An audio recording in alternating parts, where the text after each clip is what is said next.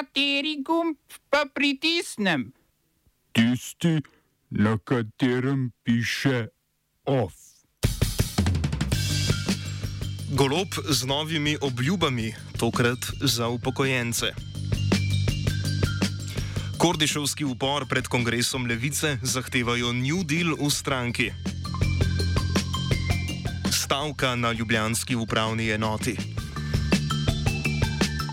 Nemška policija nad okoljske aktiviste.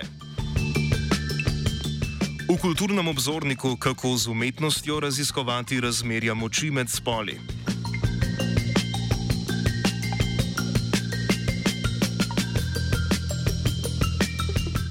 Poslušate OF na Radiu Student. Nemška policija je izvedla preiskave na domovih 15 podnebnih aktivistov iz okoljevarstvene skupine Last Generation. Sumijo jih organizacije akcije zbiranja sredstev za financiranje kaznjivih dejanj. Skupaj naj bi zbrali skoraj milijon in pol evrov. Dva izmed osumljenih naj bi po navedbah policije tudi pripravljala sabotažo naftovoda, ki povezuje bavarsko mesto Ingolstadt s pristaniščem v Trstu. Po navodilih toživstva je bila začasno zaprta tudi spletna stran aktivistične skupine, zasegli pa so tudi dva bančna računa in premoženje članov.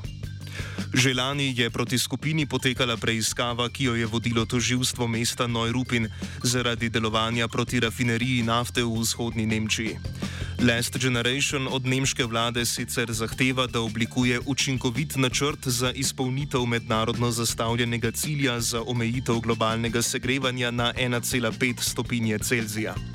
Zaradi protestnih akcij v obliki blokiranja prometa je bilo v zadnjem času mnogo njihovih članov obravnavanih na sodiščih.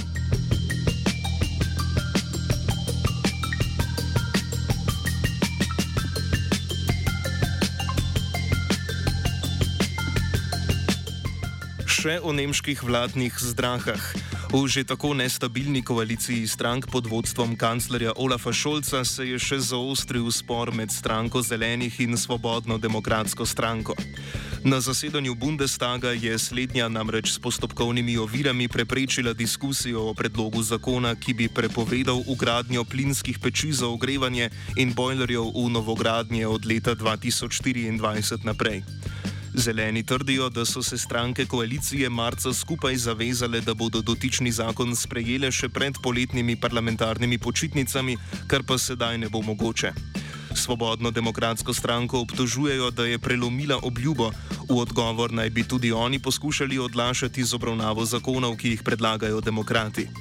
Zakon o prepovedi plinskih bojlerjev je ključen del okoljske agende zelenih, demokratom pa se je predlog zdel nedodelan in gospodarsko škodljiv.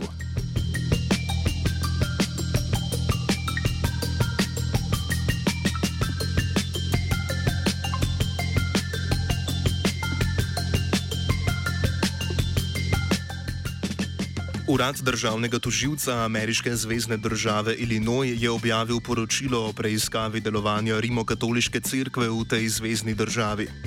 V tem ugotavljajo, da je 451 katoliških duhovnikov med leti 1950, 1950 in 2019 spolno zlorabilo skoraj 2000 otrok.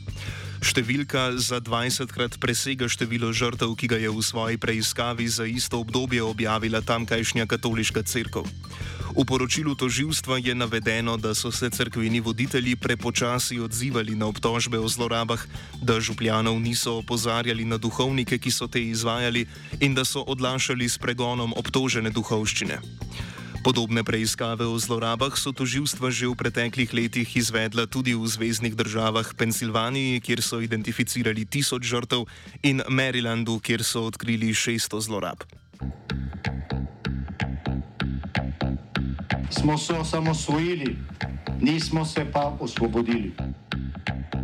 Naslednje štiri leta še 500 projektov izpiljene modele, kako so se strani nekdanje LDS rotirali. Ko to dvoje zmešamo v pravilno zmes, dobimo zgodbo o uspehu. Takemu političnemu razvoju se reče udar. Jaz to vem, da je nezakonito, ampak kaj nam pa ostane? Brutalni obračun s politično korupcijo. To je Slovenija, tukaj je naša zemlja, to je Slovenija, Slovenija, Slovenija. Zaposleni na upravni enoti Ljubljana so danes med 10 in 11 uro opozorilno stavkali. Akcija je potekala v vseh krajevnih uradih pod nadzorom Ljubljanske upravne enote, pred stavbama na, na Tobačni in Linhartovi pa je bil organiziran tudi zbor delavcev. Zahteve stavkajočih so dvig plač za sedem plačilnih razredov, izenačitev nazivov na upravni enoti z nazivi na ministrstvih in dodatek za blagajniško poslovanje. Glavni razlog za stavko je po besedah predsednika sindikata delavcev upravne enote Ljubljana Dragana Stankoviča neodgovorno vodenje pogajanj o spremembah plačnega sistema v javnem sektorju.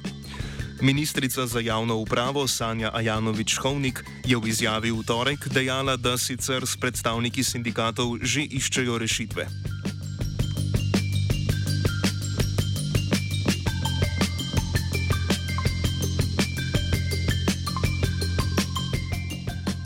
Komisija za preprečevanje korupcije je objavila poročilo s pravnomočnimi ugotovitvami, da je nekdanji izolski župan Danilo Markočič leta 2021 v postopku pri oddaji nepremičnin v zakup dvakrat ravnal v nasprotju s pričakovanim delovanjem in odgovornostjo svoje takratne županske funkcije. S tem je kršil svojo integriteto. Izolska občina je leta 2021 objavila dve nameri o sklenitvi neposrednih pogodb po zakupu nepremičnin, pri čemer pa razgovorov s ponudniki, kot je bilo predpisano v razpisanih pogojih, ni opravila. Prav tako ni bilo možnosti pritožbe zoper odločitev občine. Svojim podpisom te namere je Markovič privilegiral določene ponudnike in omogočil neenakopravno obravnavo vseh udeležencev. Komisija je ugotovila tudi, da občina v okviru teh postopkov ni vodila zapisnikov o prejetih ponudbah, izvedenih ravnanjih in vodenju postopkov. Markočič vse ugotovitve zavrača in pojasnjuje, da je pri svojem delovanju le sledil pravnemu mnenju, ki mu ga je podala odvetniška pisarna, ki deluje za občino. Kršitev integritete je komisija pri bivšemu županu sicer ugotovila že leta 2020 v zvezi s podajanjem neresničnih informacij v zvezi z afero Pivec na morju, ko je nekdanji ministrici za kmetijstvo poravnal račun za hotelsko nočitev.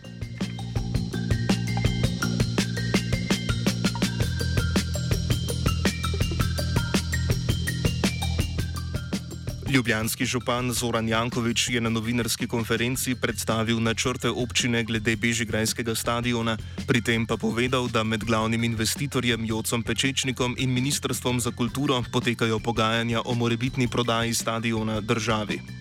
Prejšnji teden je Ministrstvo za naravne vire in prostor sicer zavrnilo izdajo gradbenega dovoljenja za projekt Bežigrajski športni park, v katerega bi poleg občine investirala še Olimpijski komitej Slovenije in Joc Pečečnik.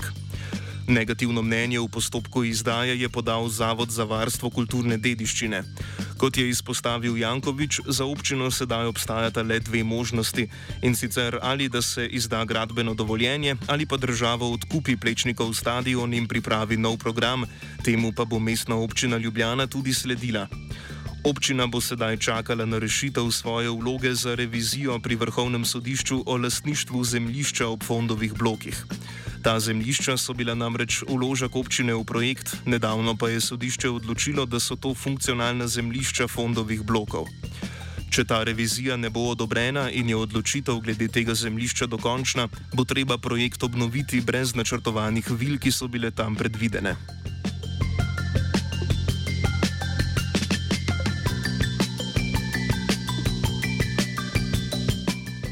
Premijer Robert Golob je v svojem nagovoru ob odprtju dnevov medgeneracijskega sožitja napovedal štiri nove ukrepe za izboljšanje položaja upokojencev. Po njegovih besedah bodo imeli skupno težo približno 100 milijonov evrov. Kot prvo bo izveden sorazmerni dvig pokojnine za 1,8 odstotka, s čimer bodo izpolnili cilj koalicijske pogodbe za zagotovitev pokojnin za polno dobo v vrednosti 700 evrov. Za božič je upokojencem obljubil darilo v obliki enkratnega dodatka v vrednosti 40 odstotkov letnega dodatka. Tretji poseg predvideva zvišanje vdovskih pokojnin na raven zagotovljene starostne pokojnine, torej 700 evrov. Kot zadnje se je zavezal, da bodo z vlado poskrbeli za boljši položaj delovnih invalidov, ki se bodo upokojili po januarju 2024. Tem se bo pri odmeri pokojnine kot osnova upošteval dohodek, ki bi ga prejemali, če bi delali za polni delovni čas.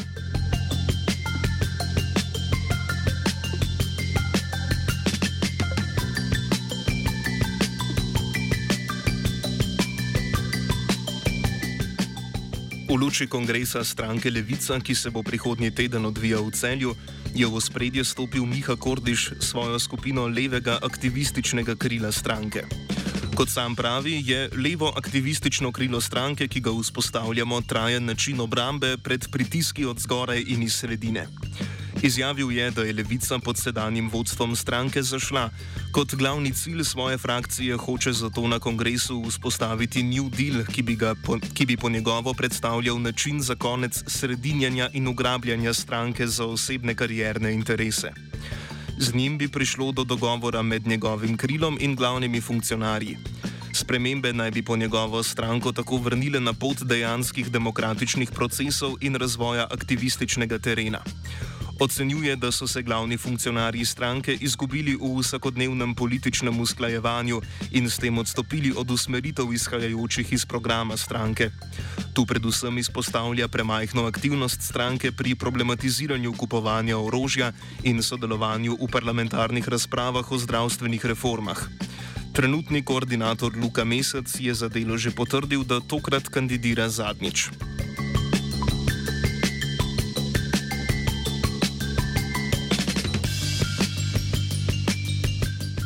OF je pripravil Filip.